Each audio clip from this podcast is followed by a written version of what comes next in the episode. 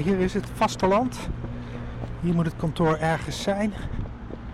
Echt om de hoek bij de Zalmhaven. De grote, grote woontoren die net is opgeleverd hier in Rotterdam.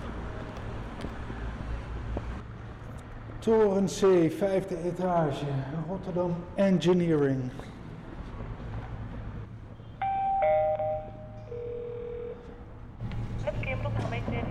Ik heb een afspraak met eh, Bas Bothoff. Goedemorgen. Goedemorgen.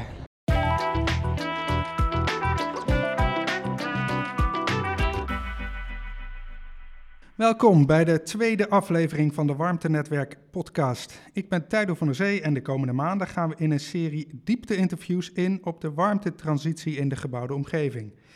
We spreken beleidsmakers, projectleiders, deskundigen en pioniers, alles met de hoofdvraag: hoe maken we van de warmtetransitie een succes? Vandaag een gesprek met Bas Bothoff, tekenaar slash constructeur bij Rotterdam Engineering en bestuurslid bij Jong Warmtenetwerk. Ja, je hebt je computer opengeklapt met een paar eh, eh, computerprogramma's aan en wat tekeningen. Wat zien we? We hebben hier een stukje eh leidingtracé in de Rotterdamse haven. Dit is bij de, de Botlek. En we hebben hier een gigantisch drukke leidingstraat. We hebben hier wel 27 leidingen die naast elkaar liggen. Ja. Dat kan variëren. Je hebt ook kabels, zoals hoogspanning, middenspanning, eh, maar ook buisleiding gevaarlijke inhoud. Je hebt hier waterstof lopen, je hebt hier water lopen, gewoon zelf. En eh, die moeten wij soms ook kruisen. We liggen grotendeels naast elkaar in de Rotterdamse haven, maar je moet ook wel eens eh, de bocht om. ja. Kan je dat voor me tekenen? Zeker. Hier zie je Of, ontwerpen? ja, dat eh, gaan wij hier doen. In principe hebben we dus, eh, we hebben de lijn, we hebben een hardlijn van, van de leiding. Daar tekenen we eigenlijk een component in, een bocht. En dan zeggen we, hé, hey, die gaan we plaatsen. Schuiven we op. En eh, dan hebben we eigenlijk hier een nieuwe kruising voorzien. Ja. En dat zie je nu ook. Nu heb ik hem eh, verplaatst. Maar je ziet dat het zijaanzicht, eigenlijk het 3D-model, dat schuift zich ook mee. En nu heb ik opeens hier een probleem. Want ik kom opeens door een leiding heen. En dan moet ik hier eigenlijk ook een verticale bocht gaan introduceren. Dan ga ik weer naar een ander overzicht. En dan kan ik hier eigenlijk zeggen van... hé, hey, deze leiding, met alles wat erbij hoort, die pak ik op. Die verplaats ik. En dan kan ik eigenlijk en als ik echt aan het werk ben, gaat het natuurlijk iets nauwkeuriger. Een stukje naar beneden. Precies. Ja, hoeveel centimeter ongeveer? Eh, dit gaat nog wel echt eh, meer dan een meter. Dit Oh. gaat eh, van 1 meter naar 2,70 meter. 70. Maar daar ben je eigenlijk aan het ontwerpen om zo te zorgen dat het uitvoerbaar is. Je kan wel een hele mooie lijn trekken, maar als die niet in de grond gelegd kan worden, Ja. een probleempje. En tegelijkertijd probeer je hem ook aan alle eisen en wensen te voldoen van de klant, van de stakeholders en de vergunningverleners. Want er gaat hier zoveel gebeuren in de grond. Het is al zo druk, wij maken het alleen maar drukker. Dat, eh, Ja. daar heb je heel veel afstemming voor nodig. Mooi man. Nou, dat ziet er eh muy impressivo eh, uit. Dankjewel. Ga je mee het gesprek houden hierover? Jazeker, gezellig.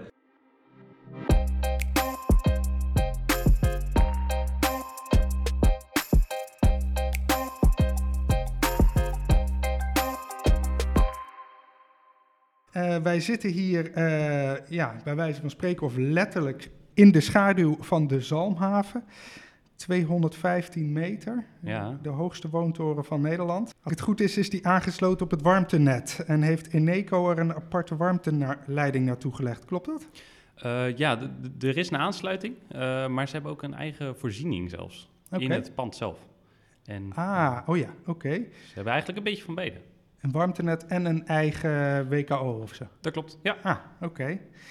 Eh, hebben jullie daar nog een hand in gehad in de engineering? Eh, we hebben daar wel een klein eh, aandeel mogen zijn en het is echt minimaal, maar een stukje van de, van de indeling van de kabels en leidingen die binnenkomen, een Ja. indelingstekening heet dat, daar hebben we wat mogen doen. En een klein stukje berekenwerk voor een warmteleiding daar. Oké. Dus ze hebben het grotendeels helemaal zelf kunnen regelen. Toch een klein stukje advies en, en handjes nodig. Dus eh, wij waren heel blij dat we daar iets van mochten betekenen. Ja, tuurlijk. Nou, is toch leuk om daaraan meegewerkt te hebben. Zeker. Ik heb de indruk dat uh, Rotterdam Engineering, uh, ik heb er net even rondgelopen, er staat een pingpongtafel, uh, veel jonge mensen.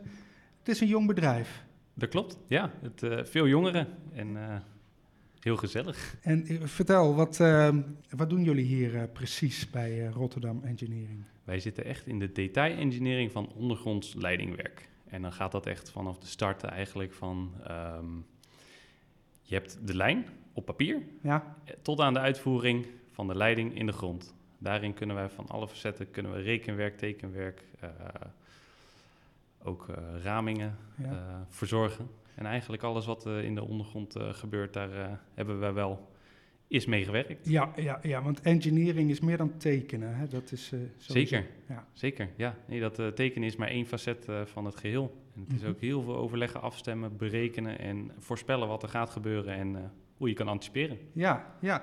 En hoe komt het dat? Want ik, ik heb net even rondgelopen op kantoor. Ik, ik spotte zo al wel 20, 30 collega's. Ik weet niet hoeveel het er precies zijn, maar zijn jullie allemaal aan het engineeren? Uh, een heel groot deel wel, ja. Eigenlijk uh, zijn wij grotendeels uh, constructeurs of engineers. En mhm. daarnaast heb je ook projectleiders, want er moet ook met de klant gepraat worden natuurlijk. Ja. en dat doen we eigenlijk in een bepaalde driehoeksverhouding daarin. En ja, oké. Met ons team. ja, maar, maar, jij bent de tekenaar-constructeur. Dat klopt. Wat houdt dat precies in? Ik voorzie eigenlijk de tracé-bepaling. Dus echt, we krijgen een wenstracé ik verzorg daarvoor dat het in detail uitgewerkt wordt, dat je iedere kruising inzichtelijk hebt, welke bocht waar zit. Ja. En ik zorg ook dat het in de uitvoering uh, maakbaar is. Dus eigenlijk heb je het, het, ik maak het ontwerp in mijn hoofd, ja. daarna op de computer ja. en dan uh, wordt dat berekend door mijn collega. Maar ik doe vooral eigenlijk het ontwerpwerk, het, het grafische stuk en de presentatie voor de uitvoerder. Oh ja, dat is natuurlijk ook wel belangrijk, ja. ja. Ja, hij moet begrijpen wat ik heb bedacht en hij moet het kunnen uitvoeren. Ja, en ik moet weten wat hij kan in het veld. Ja, precies.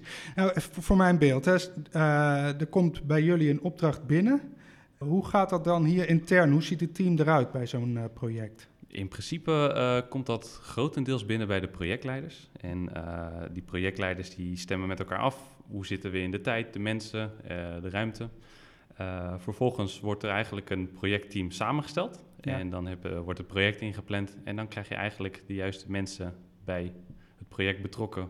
En dan heb je eigenlijk die drie rollen die ik daar eerder noemde, die krijg je dan, die worden ingevuld. En, en die drie rollen, dat zijn dan dus de projectleider? Ja, de tekenaar-constructeur. Daar ben jij dan? Ja, ja. en de engineer. Oké, en de engineer, wat is het verschil tussen een engineer en een tekenaar-constructeur? Waarin de uh, tekenaar-constructeur zich meer bezighoudt met hoe kan het uitgevoerd worden en welke componenten zijn het, houdt de engineer zich meer bezig met wat is de wanddikte van, uh, van uh, de leiding, wat is mm -hmm. het uh, zijn er nog bepaalde eisen in de regio waar we aan moeten voldoen en waarom moeten we aan die eisen voldoen. Ja. die zit ook naar de grond te kijken, de grond, de mechanische eigenschappen ervan. Ja. En die kijkt eigenlijk veel meer op een natuurkundige manier naar het project, naar de mhm. leiding. Ja. De tekenconstructeur kijkt meer uit een mechanisch oogpunt. Oké. Ja. Dus die uh, rollen vullen elkaar goed aan. Ja, dat, uh, dat snap ik, ja. En heb jij nog een grote spraakmakend project waar je de afgelopen tijd mee bezig bent geweest? Ja, wij hebben met Warmtelink heet het nu. Ja. Daar zijn we mee aan de slag. voorheen heette dat Leiding door het Midden. Ja. Dat is wel echt een heel groot stuk leiding wat ik, uh, waar ik onderdeel van mocht zijn van het team. En uh, voor wie niet heel erg ingevoerd is in de warmtesector, wat is leiding over midden? in principe is het gewoon een warmteleiding ja. van, vanaf Vlaardingen tot aan Den Haag Centrum.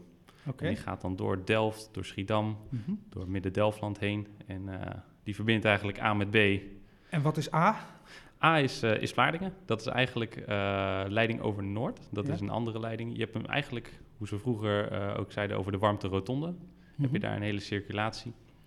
En is het doel om de restwarmte uit de haven het stedelijk gebied in te krijgen. Oh, er is niet een hele specifieke bron bij punt A?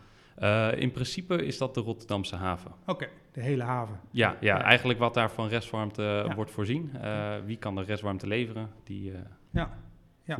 En hij ging naar eh, B was? Den Haag. Den Haag. Ja, het Uniper-terrein. Oké. En is die al gerealiseerd? Nee. Oké. Nee, we zijn eigenlijk, eh, we hebben detail-engineering gehad. Er wordt nu een uitvoeringsontwerp gemaakt van wat moet er exact besteld worden en eh, de componenten. Mhm. En begin, halverwege volgend jaar zal de uitvoering eh, toch wel echt gaan starten, wat, eh, wat ik heb begrepen. Ja, maar jullie werk zit erop. Of, Eh, eh, een heel groot deel. De projectleider is altijd nog in contact met de klant. Zijn er nog bepaalde onduidelijkheden, onzekerheden? Eh, die heeft eigenlijk net een stukje nazorg. ja. Eh, zorgen dat het eh, volledig eh, overgedragen wordt. Maar inderdaad, eh, de tekenconstructeurs, de engineers, die zitten alweer lang in eh, andere projecten ja, eh, precies. te En ontwerpen. hoe- hoeveel kilometer was dat in totaal? Oeh, dat was eh, 23 kilometer. Oké. En eh, van die 23 kilometer hebben we niet alles eh, tot hetzelfde detailniveau uitgewerkt. Eigenlijk gaat dat in stapjes. Mhm. Maar we hebben daar 7,5 kilometer, eh, eigenlijk het, het stukje Rijswijk in Den Haag, hebben we wel echt tot de laatste fase eh, mogen brengen. Ja, De rest heeft een andere eh, ingenieursbureau mogen Ja. uitvoeren. oké. En hoeveel kilometer leg jij af per dag? Zo, nou, als je een goede boring te pakken hebt, dan kan dat zomaar een kilometer in één keer zijn die je aan het realiseren bent. Maar per dag is dat wel echt. En dan bedoel ik eigenlijk in de engineering, in de tekening. Hè? Dus dat, Ja, eh, precies. Nee, die, eh, die, die is iets hoeveel, lastiger. me- hoeveel meter, laat ik het zo zeggen. Want een kilometer per dag zou je denk ik niet halen. Nee, nee, Nee. zeker niet. Nee. Eh, ik denk dat je dan eerder kan kijken naar 300 meter bijvoorbeeld. Oké, Dat, ja. dat is wel, meestal baseren we een routekaart op 300, 250 meter. En dat is wel echt een afstand die je kan overbruggen. In een dag ook, qua tekenen. Eh, voor een eh, eerste fase wel. En je gaat dat steeds verder detailleren. En dan Mhm. heb je soms wel dezelfde 250 meter die je volgende week weer even terugziet. Ja. Omdat er nieuwe informatie is Oh ontvangen. ja, ja, ja, ja. ja. Maar die ja. meters maken, dat gaat wel lekker. Ja. Ja. Ehm, ja, ik wil met jou even de diepte in. Niet letterlijk de ondergrond, maar ik zag dat je gebruik maakt van software van het Amerikaanse merk Autodesk. Dat is eh, AutoCAD en eh, Civil 3D. Eh, ja, wat kan je met deze programma's en wat zijn de verschillen? Interessante vraag. Dat hoor ik ook wel eens van mijn collega's. Van wat is nou echt het verschil? Maar in principe wat je ermee kan, is in de basis je ontwerp visualiseren natuurlijk. In AutoCAD kan je veel meer denken in, in lijnen. Het is um, lijnentekening met maatvoering, met teksten. En dat is allemaal gerealiseerd tot een papierformaat dat je kan printen. Mhm. In Civil 3D kan je meer denken aan die lijn is niet zomaar een lijn. Die lijn weet dat die onderdeel is van een geheel. Die Ja. communiceert met het zijaanzicht. Die communiceert met de materialen. Die weet dat die een bocht is in plaats van een hoek. Eh, die heeft een bepaalde bibliotheek erachter. Sorry. En ehm, daar heb je eigenlijk een stukje slimmigheid die je bij Civil 3D introduceert. Ja, ja. En waarom zou je dan überhaupt nog met AutoCAD aan de slag gaan? Afhankelijk van de vraag van de klant. Soms willen ze eigenlijk gewoon weten van wat voor route kunnen we afleggen. En dan Mhm. heb je een detailontwerp helemaal niet nodig. Dan heb je eigenlijk de eerste fase voor het gesprek aan te gaan om eigenlijk überhaupt te weten... mogen we in deze weg, mogen we in deze regio liggen? Mhm. Dan voldoet een 2D-ontwerp van de bovenaanzicht eh, met al de gebouwen erbij. Prima. Prima, ja. ja en, en wat is dan precies het voordeel van 3D als je dat eh, eh, gebruikt? Eh, er zijn meerdere voordelen van. Eh, naar mijn mening heb je de foutgevoeligheid die je sowieso kan verlagen. Doordat je eigenlijk niet twee aanzichten aan het tekenen bent, maar één ontwerp. Heb je sowieso dat het eh, allebei up-to-date is. Eh, tegelijkertijd heb je ook een stuk meer inzicht. Als je een 3D-leiding ziet, dan Ja. kan ik het laten zien aan praktisch iedereen die het kan begrijpen. Van, oh, je gaat er onderdoor, je gaat er bovenlangs. Ja. En een 2D-tekening moet altijd gelezen worden en begrepen worden. Is dat ook misschien voor de opdrachtgever dat je, dat je het inzichtelijk kan maken? Of? Zeker, ja. Dat, eh, voor de opdrachtgever is het ook, ook al is die technisch onderlegd of iets, eh, dan heb je een situatie, een nieuwe situatie, want de tekenconstructeur staart zich urenlang op een knelpunt, een kruispunt en die heeft dat helemaal gedetailleerd. Ja, precies. Die kan ieder stukje dromen, Ja. maar dan moet je het daarna overbrengen. En als je dan met een 3D-aanzicht komt, dan kan hij gelijk met zijn eigen inzicht zien van... hé, hey, dat gaat passen, ik heb hier vertrouwen in. Die sleuf die kunnen we zo graven, die eh, leiding kunnen we realiseren. Ja, ja. En ik, is daar ook nog iets mogelijk met eh, nou ja, een, een 3D-bril opzetten of iets in die richting? Of, eh, Ja, dat, eh, dat vind ik echt een hele interessante toekomst. We zijn zelf nog niet zo ver. We hebben heel, heel minimaal gespeeld met de augmented reality, met de virtual reality. En dan vooral dat je in het veld gaat kijken hoe ziet de ondergrond eruit. Uh, we merken alleen dat daar echt. Dus, nog- dus dat betekent, je staat op de plek op, van het project. Ja. En je zet een bril op. Dat klopt. En je kan onder de grond kijken waar lopen leidingen, hoe moet, deze, hoe moet ons tracé lopen. Exact. Oké. En dan kan je allemaal kenmerken aanbrengen van dit is punt 1 die we willen bespreken. We hebben hier een leiding en dan maak je hem rood. En dan eh, kan je ze eigenlijk een soort van ja, dia-show die je dan ook in het veld hebt. Maar je hoeft geen tekening, geen papiertje mee te nemen. Je ziet gewoon letterlijk waar het gaat komen en hoe de situatie zich eh, Ja. presenteert. Ja. Maar zoals we net ook al zagen op jouw computer, in de bodem is het hartstikke druk in klopt. Nederland. Vooral hier natuurlijk in Rotterdam. Eh, en in de Randstad. Eh, hoe neem je de bodem eh, mee in je model? De bodem als in de grond? Of, De of grond de- en ja, wat er allemaal nog meer is naast jouw beoogde warmteleiding. Kijk, ja, nee, in principe eh, vaak is het grootste knelpunt wel de andere kabels en leidingen. En dan Mhm. kan je eh, daar een speciale eh, klikmelding voor aanvragen, heet dat dan. Ja. En wat je dan krijgt is een bestand vanuit het kadaster. En daarin staan eigenlijk alle informatie wat je uit de ondergrond kan halen. Heb je putten, heb je afsluiters, heb je leidingen, waar dat zit en van wie het is. oké. En, en, en Kadaster heeft alles. Daar mag je in eerste instantie wel van uitgaan. Ja, Maar eh, zoals we inderdaad eerder eh, in de demo zagen, heb je soms echt die proefsleuf nodig eh, voor een volledig beeld. ja, ja oké. Want het gebeurt wel dat er, dat er onderdelen niet, niet in, in, met een klikmelding vanuit Kadaster meekomen? Of? Helaas wel. Dat gebeurt nog wel eens. En dan spreek je eigenlijk van een weesleiding of gewoon een, een leiding die niet op de kaart stond. Mhm. Dat zijn vaak oudere kabels, leidingen en die zijn niet geregistreerd. En dan kom je die tegen en is het zoiets van, van wie is het? Waar gaat het heen? En wat Ja. moeten we ermee? Ja, Dus dan heb je eigenlijk een verrassing. Maar ook dat eh, wordt in de uitvoering altijd eh erg goed opgelost. ja. Vaak schakelen ze dan ook, dan bellen ze, we komen iets tegen. We zoeken zo snel mogelijk contact met wie het zou kunnen zijn. Ja. En dan, maar dan, je hebt het dus over een proefsleuf. Wanneer ga je een proefsleuf maken? In principe als je eh, vrij nauwkeurig, vrij zeker weet van we gaan deze route volgen. En dan niet dat je bijvoorbeeld links of rechts in de weg ligt, maar we volgen deze weg. eh, dan ga je eigenlijk daar proefsleuf graven. Dus je hebt al meerdere fases onderzocht. Je weet de beste route van bijvoorbeeld vijf conceptlijnen. Dan ga je verder van, hé, hey, ik heb hier meer informatie nodig. Ik heb echt in 3D eh, Mhm. de informatie nodig van de dieptes. Ik moet mijn kruisingen realiseren. Ik wil hier een proefsleuf. En dan Ja. gaan ze... Ja, want vanuit het kadaster, vanuit de klikmelding krijg je niet alle 3D-info mee. Klopt. Nee, eigenlijk eh, is dat op een ja, AutoCAD manier gepresenteerd op 2D van boven aanzicht. En dat is ook, het geeft ontzettend veel inzicht. Maar die, eh, die Z-component, om het zo te zeggen, die Ja. diepte, die, eh, die krijgen we nog niet. Nee. En ga je dan met een proefsleuf, is, dat, is dat echt zoals een archeoloog die moet zorgen dat hij geen botjes doorbreekt? Eh, want eh, ja, je weet niet precies wat er zit, dus, dus je moet misschien extra voorzichtig zijn? Of? Eh, de ja, je hebt inderdaad wel echt onderzoeken die je moet laten uitvoeren. En ook denk aan bijvoorbeeld vervuiling van de grond. Dan mag je niet zomaar daar gaan werken. Nee. En dan schakelen we vaak met een specifiek onderzoeksbureau in. En die gaan onderzoeken wat zit er in de bodem, kunnen we hier vrijgraven of, of niet. En vaak heb je ook omleidingen die je moet doen als je in de weg moet. En daar zoeken we toch wel va- vrij vaak dezelfde mensen op, omdat we weten van eh, hoe we het krijgen. Ja. Precies.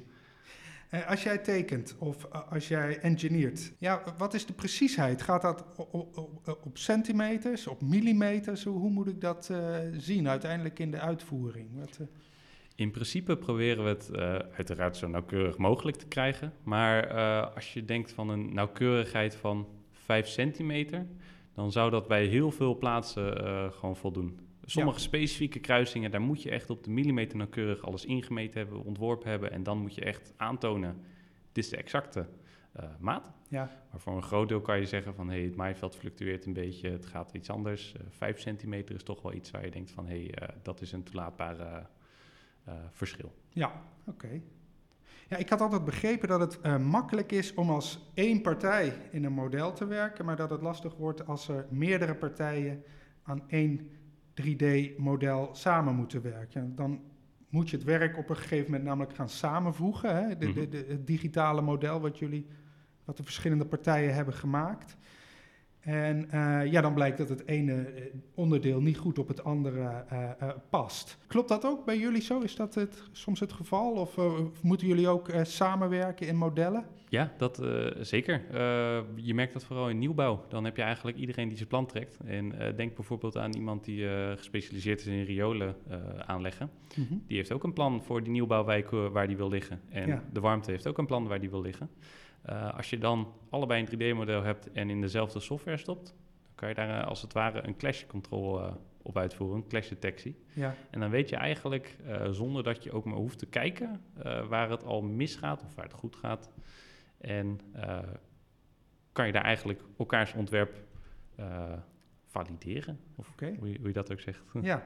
Stel dat je zegt van oké, we, we voegen het samen en dan zie je, ah, hier, hier raakt het elkaar. En dan ga je het gewoon oplossen. Ja, dan ga je eigenlijk in overleg van eh, voor, ehm, voor wie is het het meest voor de hand liggend om te verplaatsen. Stel een Mhm. riool zit onder afschot, dan, dan is het toch wat lastiger voor hun om te wijken. Dan gaan wij wijken. Ja, En dat doe je echt met zoveel mogelijk samenwerking en je zoekt de meest efficiënte oplossing voor alle partijen. mhm. Niet van, wij liggen hier, wij zijn als eerst, maar hey, hoe, hoe zouden we dit samen kunnen oplossen? ja, ja. Oké. Ehm, als ik dan die software van jou eh, zie, dan weet ik niet of dat ook daadwerkelijk eh, ja, gekoppeld is als het ware aan, aan een GPS. Of het echt aan een, aan een locatie vastzit. Eh, je zou bij wijze van spreken dat tracé overal neer kunnen leggen. Of heb je ook zeg maar, software waarbij het echt vast ligt in GPS-coördinaten? Ja, eh, in principe voor eh, Nederland hebben we het RD-stelsel. En daar kan je dus ook echt op, op coördinaten tekenen. Vaak zie je bij eh, stations dat het, en in de architectuur, dat het bijvoorbeeld op een nulpunt zit. Gewoon echt niet in de wereld. Mhm. Maar ons leidingtracé, waar die, waar die knikpunten zitten, die zitten echt op XY-coördinaten. En dat kunnen we ook vaak bijvoorbeeld met applicaties zoals ArcGIS. Ja. Kan je dat heel goed laten zien. En ArcGIS is eigenlijk een beetje een soort van Google Maps, ja, maar dan voor professionele markt met andere toepassingen. Ja, precies. Dat is wel leuk. Ja. Kan je dan ook helemaal uitzoomen, de hele wereld bekijken en dan al die eh, verschillende leidingen, tracés in de wereld, eh, bij wijze van spreken. Ja, waar je informatie hebt en ook voor hoogspanning bijvoorbeeld kan je de hele Benelux, kan je heel Europa, kan je inzichtelijk krijgen van eh, waar zit dat station, waar loopt Ja, die ja. lijn. En dat gaat ook echt heel erg snel. Heel erg snel in de zin van. Hoe snel dat laat, hoe snel eh, die verbinding opgehaald wordt. En echt met een paar klikken en een keer zoomen heb je opeens Ja. eh, in Duitsland alle... Vind je dat leuk om te doen? Doe je dat wel eens gewoon voor de gein? Of, eh? ja, het, het is toch wel heel erg indrukwekkend dat je eigenlijk met zo weinig inspanning al die inzicht kan krijgen van een andere locatie waar je nog nooit bent geweest. Ja, ja. Is dat nou echt iets van de afgelopen eh, jaren, zeg maar? Dat, dat, of, of, of, of is dat al ja, toch wel langer, langer ja, bezig? Ik denk dat eh, wat je ziet is dat vooral in eh, de bouw dat ze eigenlijk een stukje voorlopen. Daar zijn Mhm. ze al veel meer bezig met die 3D-software en eh, de communicatie ertussen, dat je echt die, die samenwerking hebt in Mhm. de civiele infrastructuur in de ondergrond. Zie je dat het eigenlijk vooral iets van de laatste twee, drie jaar is. Dat het echt steeds meer gaat samenwerken, op elkaar is afgestemd. En je ziet dat die softwarepartijen ook met elkaar gaan praten. Ja, En dan wordt het nog interessanter als je de integratie vanaf de start eigenlijk al hebt en dat je daar eh, verder mee kan. Ja, ja. Oké, want hè, er zijn inderdaad eh, verschillende soorten software. En eh, die software die heeft dan weer andere formaten, andere manieren van dingen opslaan. Als je dat allemaal dan weer probeert in te lezen, samen te voegen, dan kan ik me voorstellen dat het gewoon niet altijd matcht. Niet dat er een clash is tussen verschillende onderdelen die verkeerd getekend zijn, of, maar ehm, gewoon dat, dat, dat verschillende software niet op elkaar past. Dat heb je heel goed gezien. Ja, dat, dat, eh, dat hebben we inderdaad ook wel eens. Dan, dan heb je van de ene uitgever een, een, eh, een bepaald formaat en de andere uitgever een ander formaat. En die Mhm. zegt gewoon, ik kan niet openen. Ja, En soms heb je gewoon een derde programma nodig om die uitwisseling te realiseren. Eh, wat we wel merken is dat je bepaalde industriestandaarden hebt. En als je je daaraan committeert, om het zo te zeggen, en de rest Ja. doet dat ook, dan gaat dat een stuk efficiënter. ja. Oké, dat is wel heel fijn. industriestandaarden. Dat is eigenlijk eh, ja, een soort ongeschreven regel van als je het hierin aanlevert, dan verwacht je dat de andere daar ook wel wat mee kan. Ja, ja, oké. Ja, en daar wordt al mee gewerkt?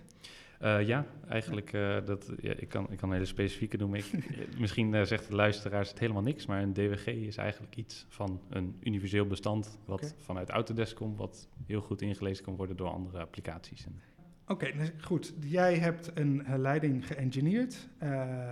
hij, het project is uitgevoerd, de warmteleiding ligt in de grond. maar dan wil het warmtebedrijf die leiding beheren en onderhouden. Kan dat ook vanuit het 3D-model dat jij hebt opgeleverd? Dat kan, ja, zeker. We hebben het uh, in Amsterdam met één uh, project ook zeker zo gedetailleerd uh, gehad. Dat het echt in beheer is per component, unieke codes, materiaalkeuzes. Alleen zie je dat dat niet de standaard is. Okay. Dat 3D-model is vaker een, een hoe zeg je dat? Een communicatiemiddel, dat doe je tijdens het project en daarna wordt het beheerd. En, en hebben ze eigenlijk in 2D-informatie soms, omdat hun software, dat beheersoftware dat alleen maar kan inlezen, mm is dat de restant van die informatie. Welk project is dat in Amsterdam, als ik vraag me? Um, uit mijn hoofd gezegd is dat, uh, ja, we hebben allemaal eigen unieke codes, zeg maar, intern, maar is dat Middenmeer. En dat is uh, een regio in Amsterdam. Okay. Dat heeft mijn collega uitgevoerd. Is, dat, uh, is daar meer mogelijk? Is daar, ligt daar nog onontgonnen terrein? Uh? Zeker weten, ja. ja als, uh, als wij de aanlevering van de, van, van de 3D-modellen zo kunnen faciliteren dat ze het gelijk in kunnen lezen en op kunnen nemen in hun beheersoftware, dan is er ontzettend veel te winnen. Want ook de volgende keer als we een project daar hebben of iemand anders heeft een project mm -hmm. daar, die kan die informatie opvragen ja. en weet al een stuk meer om rekening te houden bij de aanvang van het project.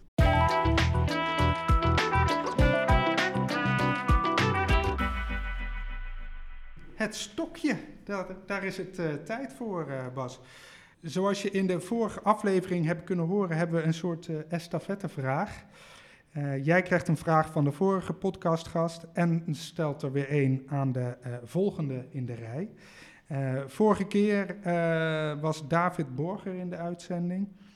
Hij is projectleider aardgasvrij bij de gemeente Maastricht en hij kwam met de volgende vraag. Het is natuurlijk eigenlijk een nieuwe wereld waar voor een groot deel de gevestigde, gevestigde uh, professionals zich mee bemoeien ook. Uh, ik zou eigenlijk wel benieuwd zijn hoe zij ook vanuit zijn rol van jong warmtenetwerk aankijkt naar wat nou eigenlijk jong, jonge professionals eigenlijk zouden kunnen leren aan de gevestigde orde. Dus uh, wat, wat, kunnen, wat kunnen de gevestigde professionals nou eigenlijk leren van die jonge mensen die eigenlijk jong en fris inkomen in een wereld die eigenlijk nog helemaal te ontdekken is?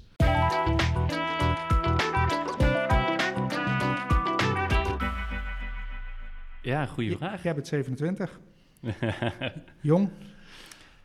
Ja, in principe, uh, wat ik merk in het verschil van jong en oud, is dat oud soms de neiging heeft om te zeggen: We hebben het altijd zo gedaan, waarom gaan we het veranderen? Of uh, we doen het altijd zo. Dat is mhm. een bepaald stigma dat wel echt speelt.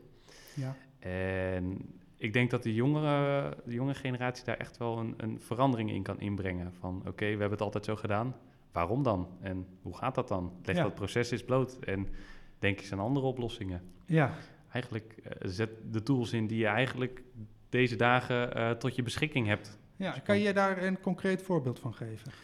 Uh, je hebt de presentatie op tekeningen dat eigenlijk uh, met een bepaalde uh, code wordt aangegeven. Je hebt bepaalde knikpunten en dat wordt op een bepaalde manier weergegeven.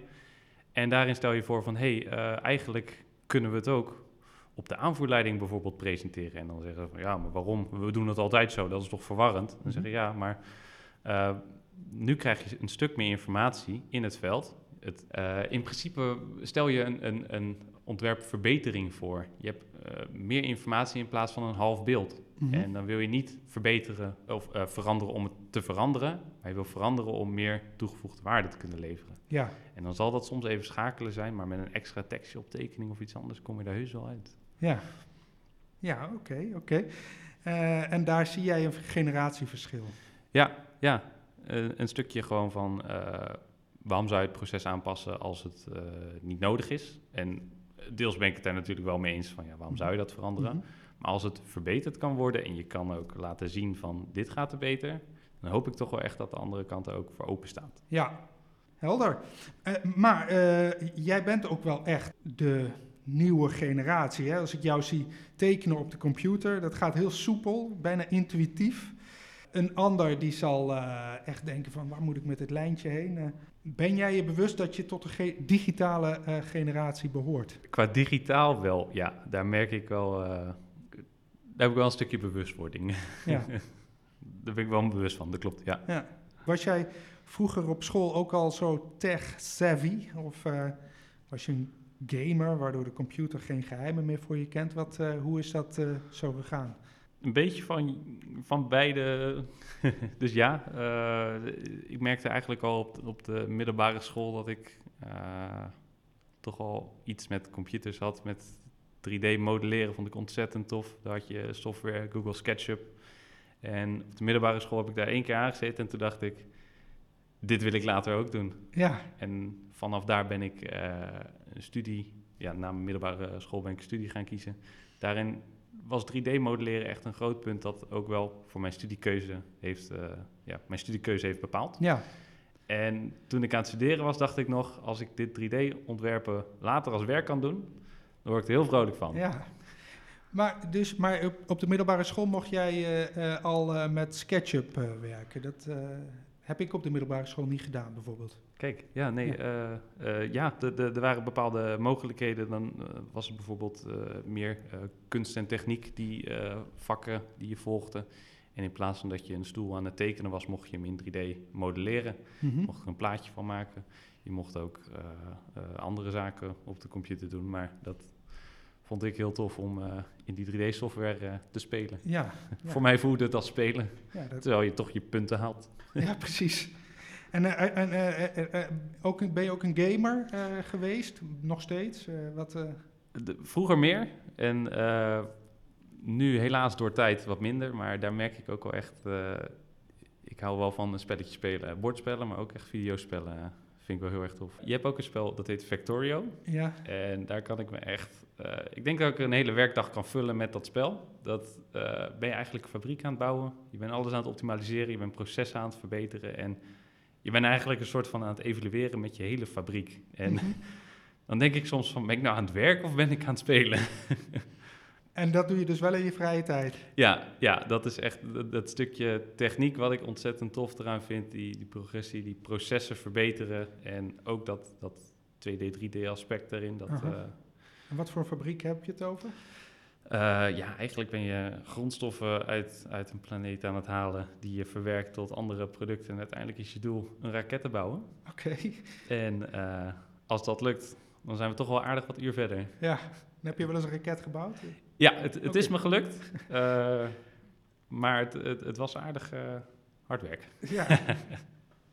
Jij bent bestuurslid bij Jong Warmtenetwerk. Hoe lang al? Klopt, het sinds 2019 eigenlijk. Net voor corona.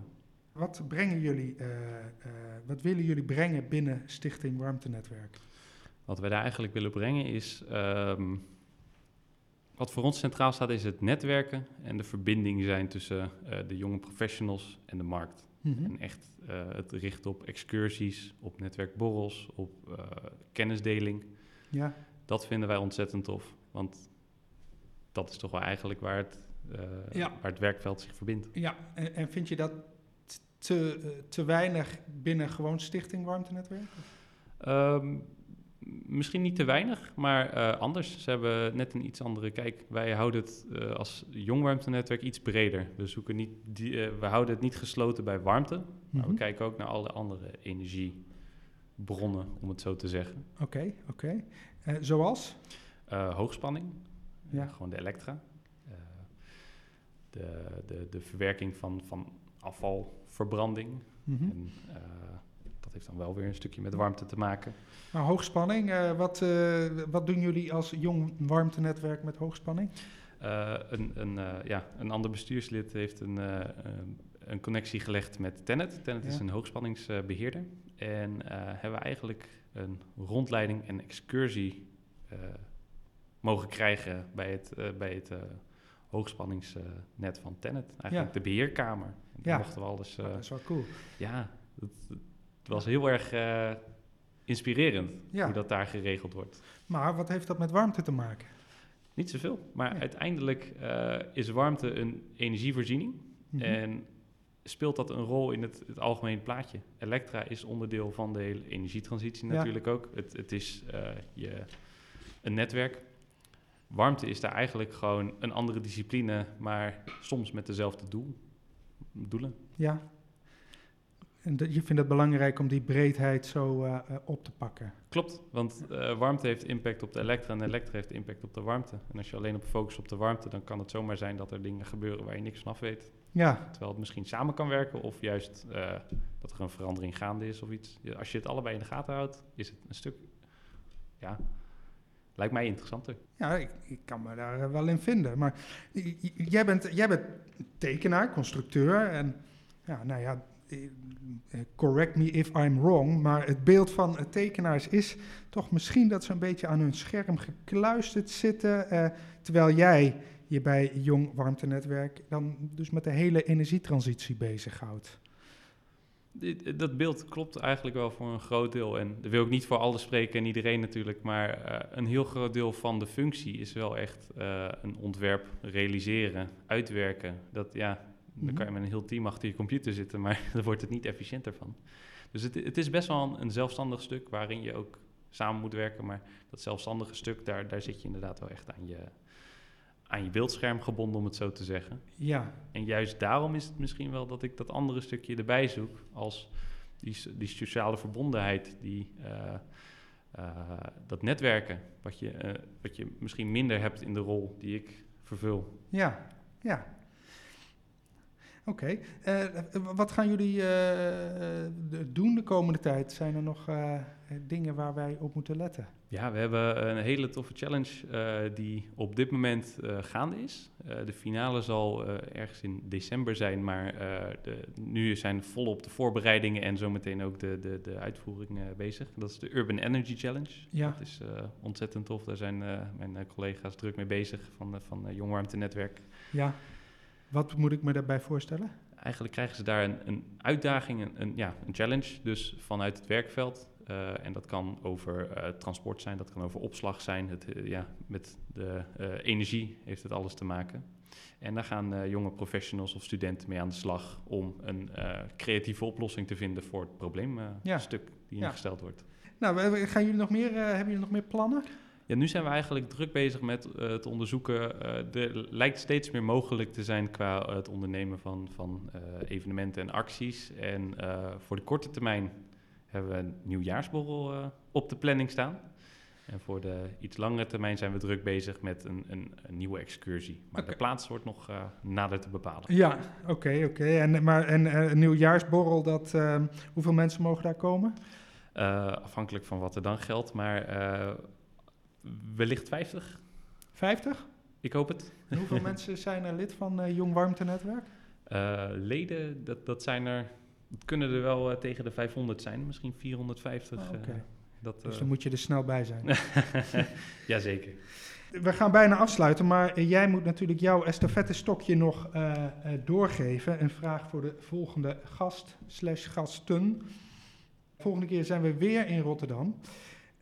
En dan hebben we het met Munir El Mourabit en Michiel Houwing van Vattenval over de geplande aansluiting op het warmtenet van het stadion van Feyenoord. En dan ben ik benieuwd of jij aan deze twee mannen misschien een vraag zou willen stellen.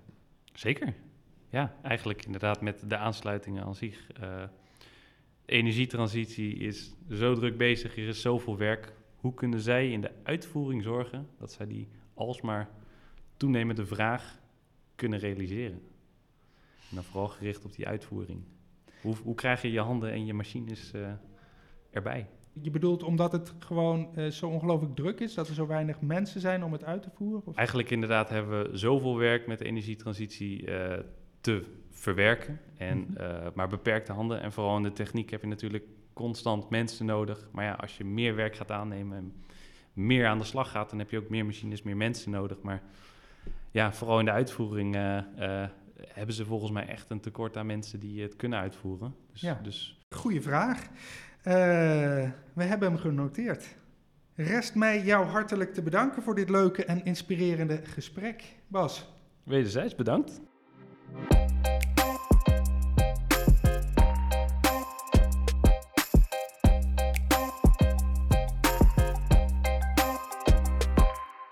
Hartelijk dank voor het luisteren naar deze aflevering van de Warmtenetwerk podcast. Deze en de volgende afleveringen zijn te beluisteren via de site van Stichting Warmtenetwerk. Dat is www.warmtenetwerk.nl. Maar natuurlijk ook in je favoriete podcast-app zoals Apple, TuneIn of Spotify. Tot de volgende keer.